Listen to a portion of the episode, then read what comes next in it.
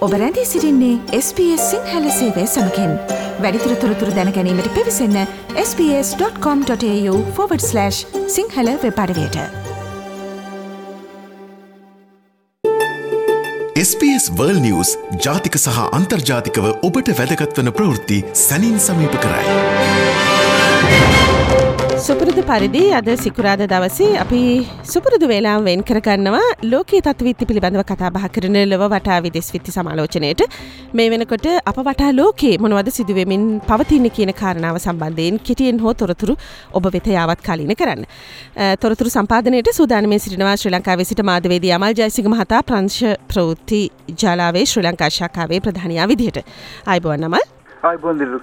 අපි මුලින්ම අවධානය යොමු කරමු මේ උතුරු කොරියාවට හැමදෑමත්ම උතුරු කොරියාව පිළිබඳව අපි අවධානය යොමු කරන්න එක්ක මිසයිලත් හදා බැලීමක් නැත්තං ඔය ඒකාධිපති පාලනයක් සම්බන්ධව නැත්තං උතුරු කොරියාව යම් කිසි වූ වෙනත් රටවල් සමඟ ඇති කරගන්නා වූ ආරවුලක් පිළිබඳව නමුත් මෙවර අපි කතා බහ කරන්න උතුරු කොරියාව පිළිබඳව කොවිඩ් සම්බන්ධයෙන්. පළවෙනි වතාවට කොවිඩ් වාර්තාාවන්න පටන් අරන්තියන උතුරු කොරියාව. මේක ඉතාමත්ම සුවිශේෂි සිදුවීමක් කමල්. මොකද පසුගිය කොවිඩ් දරුණු කාලයේදී පවා මේ බොහොම හුද කලා වෙලා කොවිඩ් වලින් වැලකිලා හිටපු රටක් විදිහට උතුරු කොරියාව ප්‍රසිද්ධ වෙලා තිබුණ. කොහොමද මේ උතුරු කොරියාවට? එහෙමනම් කොවිඩ් ආවේ දැන්. මෙච්චර කල් පහු වෙලා. මේක ප්‍රශ්නයක්. අපි කැමති වැඩිදුර විස්තර දැනගන්නේ පැත්තිෙන් වාර්තාවන දිල්ලක්ෂ මේ වෙනකොටත් ඔවුන් දැන් කියල තියෙනවා පලවෙනි කොරෝනා වෛරස් රෝගයා ඔවුන් සොයාගත්තයි කියලා. සෙම්ප්‍රතික්ෂාව හැදිච්ච පිරිසකගේ සාම්පල ලබාගෙන ඒ සාම්පල වලින් ඔවුන් සොයාගත්තයි කියලා ඔමික්‍රොන් BA දෙක කියන වර්ගයේ කොරෝනා වෛරස් ප්‍රභේදය දැන් උතුරු කොරියාවට ආවයි කියලා. මේක ආපු ක්‍රමයේ පිළිබඳ හරි නිශ්චිත තොරතුරක් නැහැ. මොකද මේ වෙනකොටත් උතුරු කොරියාව සම්පූර්ණයෙන්ම ලෝකයේ අනිකුත් රටවල් වලින් වෙන් වෙලා නැත්නම් කුන් වෙලා හිටපු රටක්. ඉතින් බොහෝ විට මේක චීන දේශ සීමාව හරහා එන්න ඇති කියලා විශ්වාස කරනවා. මොකද සුළු පිරිසක් චීනයත් එක්ක චීනය එක්ක ගමන් තිබුණා. ඉතින් බොහෝ විට ඒක අනුව වෙන්න පුළුවන් කියලා තියෙනවා. මේ වෙනකොට උතුරු කොරියාවේ ප්‍රධාන නගර කිහිපයක් සම්පූර්ණයෙන්ම ලොක්ඩවුන් එකකට ගිහිල්ලා කියලායි වාර්තා වෙන්නේ. ඉතින් උතුරු කොරියාවේ කිසිම පුද්ගලයෙක් මේ වෙනකොට එන්නත් කරන්නට ලක් කරලා නැහැ. ඔවුන් එන්නත් ප්‍රතික්ෂේප කරන්න හේතුව වෙලා තිබුණේ මේ එන්නත් ලබා දෙනකොට විශේෂයෙන්ම WHO එකේ මේ COVAX කියන ක්‍රමවේදය අනුව මේ එන්නත් කොයි ආකාරයෙන්ද ලබා දෙන්නේ ඒවා කාටද ලබා දෙන්නේ කියන කාරණාව සම්බන්ධයෙන් විනිවිද භාවයක් සහ ඒ විගණනයක් අවශ්‍ය වෙනවා. ඉතින් උතුරු කොරියාව කිසිම ජාත්‍යන්තර විගණනයකට යටත් කරන්නට අකමැති නිසා තමයි ඔවුන් මේ එන්නත් ප්‍රතික්ෂේප කළා තියෙන්නේ. අපි දැන් කතා බහ කරමු මේ සතියේදී මේ ගිනිකොන දිග ආසියාවේ සිදුවුණු ප්‍රධානතම දේශපාලනික වෙනස්කමක් පිළිබඳව. දැන් මේ වෙනකොට අපි දන්න අපේ මවබිම ශ්‍රී ලංකාව පිළිබඳව කතා බහ කරදිත් මේ රාජපක්ෂ පාලනය සහ මේ වංචා දූෂණ පිළිබඳව බොහෝ දෙනෙක් කතා බහ කරමින් සිටින කාලවකවානුවක්. ඉතින් අපිට මේ ගිනිකොන දිග ආසියාව පිළිබඳව ගත්තහම මීට දශක දෙකට විතර පිටින් දශක දෙකක් විතර රට එක දිගට පාලනය කරපු ෆර්ඩිනන්ඩ් මාකෝස් පාලනය පිළිබඳව මතක් කරන්න පුළුවන් මේක මතක් වෙන්නේ මාකෝස්ගේ පුත්‍රයා ජූනිය මාකෝස් මෑතකදී පැවැත්වුණු පිලිපිනේ පැවැත්වුණු මැතිවරණයෙන් නැවතත් රාජනායකයා බවට පත්වෙනවා මාකෝස් පාලනය යළිත් ලෝකට සිහිපත් කරනවා. අමල් මේ සනිටුහන්වීම කොහොමද අපි කියවා ගන්නේ? ලෝක දේශපාලනය සහ කලාපිය දේශපාලනය වශයෙන් ගත්තාම මේ එක්තරා කාලෙක ප්‍රතික්ෂේපූුණු ලෝක ප්‍රකට දේශපාලන චරිතයකගේ පුතෙක් ආපහු එනවා ආසියාතික කලාපේ රටක රාජනායකෙක් විදිහට. ජනතාව යළිත් හෝ පත් කරගන්නවා. මෙතනදී වෙලා තිබුණි මොකක්ද? ඔව් ඇත්තටම දිලුක්ෂ මේ මාකෝස් ප්‍රතිරූපය දැවන්ත විදිහට වෙනස් වෙලා තියෙනවා. දශකයක විතර කාර්යයක් තිස්සේ ඉඳලා මේ මාකෝස් යුවලගේ පුත්‍රයා ඔහු බොං බොං කියලා හඳුන්වන්නේ ඔහු සමාජ මාධ්‍ය ජාලා භාවිතා කරමින් ඒ මාකොස් පවුලේ තිබිච්ච ප්‍රතිරූපය වෙනස් කරන්න විශාල මෙහෙවරක් කරයි කියලායි වාර්තා වෙන්නේ. ඉතින් ඒකේ ප්‍රතිඵලයක් හැටියට ඔහු මේ සතියේ තිබිච්ච පිලිපීන මැතිවරණයේදී 56කට වැඩි ප්‍රතිශතයක් ලබාගෙන ජනාධිපති ධූරයට පත් වෙලා තියෙනවා. ඉතින් මේ ධූරයේ වැඩබාර ගැනීම සිද්ධ වෙන්නේ එන මාසේ ඉතින් මාකොස් ඒ පරම්පරාවේ අලුත්ම පුරුක හැටියට ඔහු දැන් නැවතත් පිලිපීනේ රාජ්‍ය නායකයා හැටියට බවට පත් වෙලා තියෙනවා. ඕ අපි දන්න ඔහු පත්වෙන්න මේ KBL කියන පක්ෂයෙන්. එතකොට ඔහුගේ ප්‍රතිවාදය වුණේ කවුද? එතකොට ඔහුට කොයි වගේ දේශපාලන බලයක්ද රට තුළ තිබුණේ? මාකෝස් පාලනය ආයි ගේන්න ජනතාව කැමති වුණේ ඇයි? මේ සම්බන්ධ මොනවද වාර්තාවන තොරතුර? දිලක්ෂ මෙතන ලෙනී රොබ්‍රේඩෝ තමයි ලිබරල් පක්ෂයෙන් අපේක්ෂිකාව හැටියට ඉදිරිපත් වනේ ඇය බලාපොරොත්තු වෙච්ච විදිහට ජනතාවගේ ඡන්දය ලබා ගැනීමට අපෝසත් වෙලා තියෙන විශේෂයෙන්ම ඇයට කතෝලික පල්ලියනුත් ඒ වගේම අනෙකුත් සමාජ ක්‍රියාකාරකින්ගේ කොටස් වලිනුත් විශාල සහයක් ලැබිලා තියෙනවා. ඔවුන් මාස ගණනක් ගෙන්ගෙට ගිහිල්ලා මේ මාකෝස් පරම්පරාව සම්බන්ධයෙන් ජනතාව දැනුවත් කිරීමේ වැඩපිළිවෙලකුත් ඔවුන් දියත් කරලා තිබුණා. ඒ කෙසේ ඒ එවැනි තත්ත්වයක් තිබුණත් ජනතාව ඇයව ප්‍රතික්ෂේප කරලා මේ අවස්ථාවේදී බොං බොංට සහය ලබා දීම තමයි විශේෂ කාරණා බවට පත්වලා තියෙන්නේ. ප්‍රධාන වශයෙන්ම මාකෝස් යුවලට තිබුණ ලොකුම චෝදනාව තමයි දූෂණය සහ භීෂණය. ඉතින් ඒ දෙකම ජනතාව අමතක කරලා මේ අවස්ථාවේදී නැවතත් මාකස් පාලනයකට ඡන්දෙ දීම තමයි විශේෂයෙන්ම ලිබරල් අදහස් තියෙන මේ ලෙනී රොබ්‍රෙඩෝ ඇය ලිබරල් පක්ෂෙන් ඉදිරිපත් වෙච්ච ලිබරල් අදහස් තියෙන පුද්ගලයෙක් මේ අවස්ථාවේ ප්‍රතික්ෂේප වීම එක්තරා විදිහකට රටේ මේ ලිබරල් කණ්ඩායම් වලට ලොකු පසුබැස්මක් හැටියටත් සඳහන් කරන්න පුළුවන්. ඔවුන් බලාපොරොත්තු වුණා ඩියුටර්ටේ ජනාධිපතිවරයාගේ ඒ අති දරුණු පාලනයකට පස්සේ ජනතාව ඒ ඩියුටර්ටේගේ පක්ෂය ප්‍රතික්ෂේප කරලා අලුත් තත්වයකට රට පත් කරයි කියලා. නමුත් මෙතන බොං බොං පමණක් නෙමෙයි ඡන්දෙන් ජනාධිපති හැටියට පත්වෙන දිල්දුක්ෂි ඔහුගේ නියෝජ්‍ය ජනාධිපති හැටියට වෙනම ඡන්දයක් තිබුණා. ඒ ඡන්දේදී හිටපු ජනාධිපති ඩියුටර්ටේගේ දියණිය රටේ නියෝජ්‍ය ජනාධිපති හිමතන් දෙවනියා හැටියට තේරිපත් වුණා. ඉතින් ඒකත් විශේෂ දෙයක් මේ මැතිවරණේ. අපි යුක්්‍රේණය පිළිබඳව අවධානය යොමු කරමු යුක්්‍රේණයේ මේ සති වෙනකුට වාර්තාාවෙන යමල් යුක්්‍රේණය රුසියාවට එරෙහිව මේ යුද අපරාධ සම්බන්ධව ක්‍රියාමාර්ගයක් ගැනීමට සූදානම් වෙන තත්ත්වයක් පිළිබඳව මාකමති ඒ සම්බන්ධව වැඩිතුරතුරතුර කතාබා කරන්න. ඔව් දිලුක්ෂි මෙතනදී යුක්‍රේනය යුද අපරාධ කියලා දැනට ඔවුන්ගේ අත්අඩංගුවේ සිටින රුසියානු සොල්දාදුවන් අධිකරණයකට ඉදිරිපත් කළා තියෙනවා.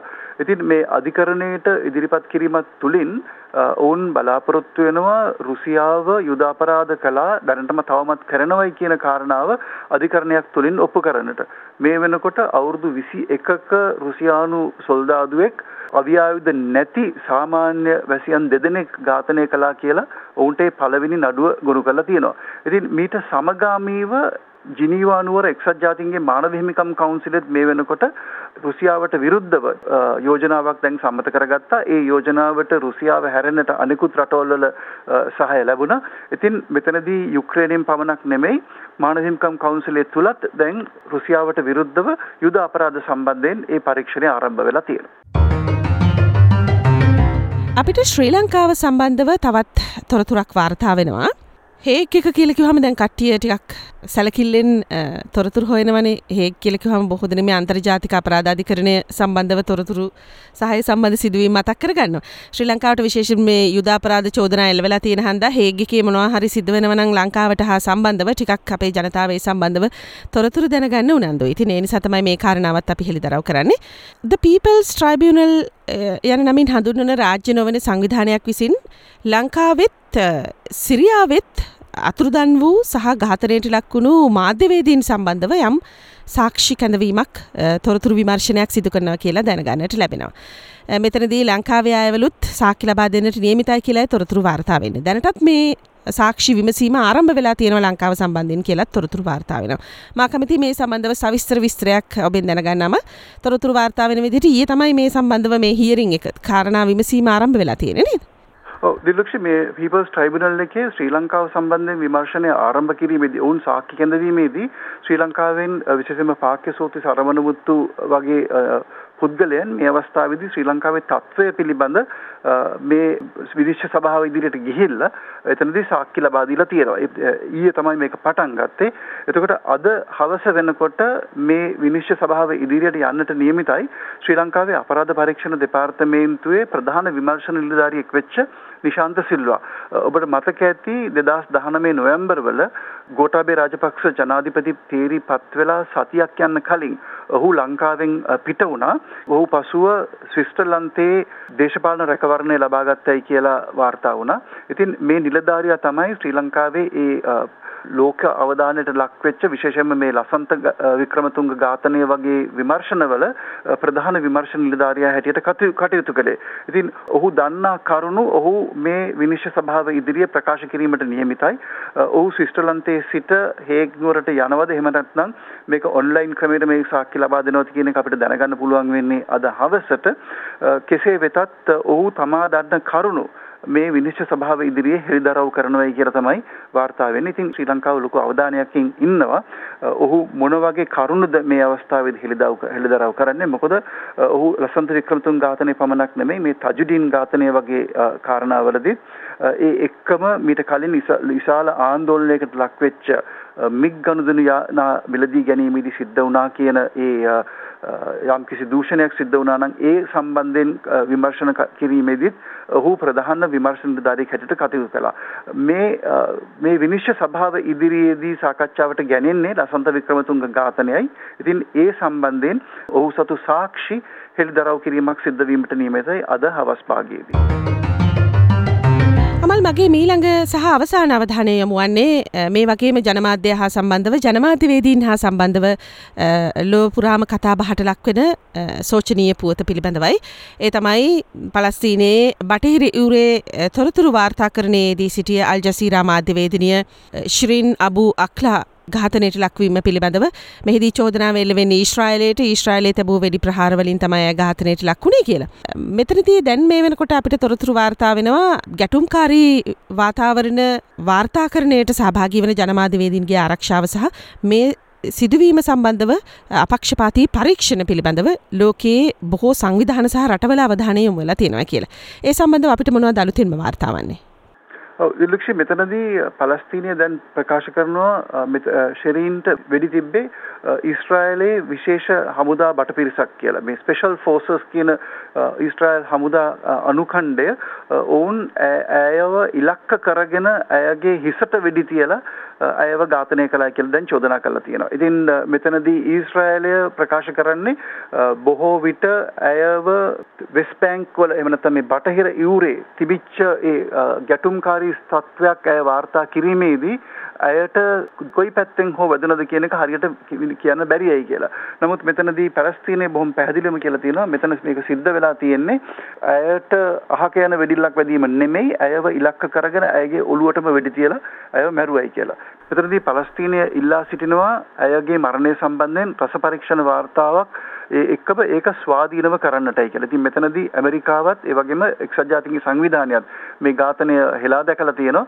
ඒ සම්බන්ධයෙන් මේ පරීක්ෂණයක් කිරීම සම්බන්ධයෙන් ඊශ්‍රායලය මෙතනදී එකඟ වෙලා තියෙනවා. ඔවුන් පලස්තීනයත් සමග ඒකාබද්ධව පරීක්ෂණයක් කරන්නට කියලා.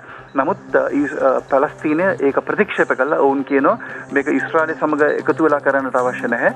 මේකට ස්වාධීන පරීක්ෂණයක් අවශ්‍යයි. ඒ පරීක්ෂණය ඉතාමත්ම විනිවිදභාවයක් ඇතිව කරන්නට ඕනයි කියලා. ඉතින් මේක මිනිමෙරුමක් හැටියට තමයි පලස්තීනය මේ වෙනකට හඳුන්වලා තියෙන්නේ. අපි ස්තුතිය පළ කර සිටිනවා මල් මේ සතියේ පුරාම ලෝකයෙන් වාර්තා වෙන අලුත්ම තොරතුරු සමාලෝචනයට එකතු වීම පිළිබඳව අපේ ලෝ වටා විදෙස් විත්ති සමාලෝචනය සමගින් හමුවෙමු යළිත් ලබන සතියේ සිකුරාදා. අයිබෝවන්. අයිබෝන් දෙල්ලක්ෂ.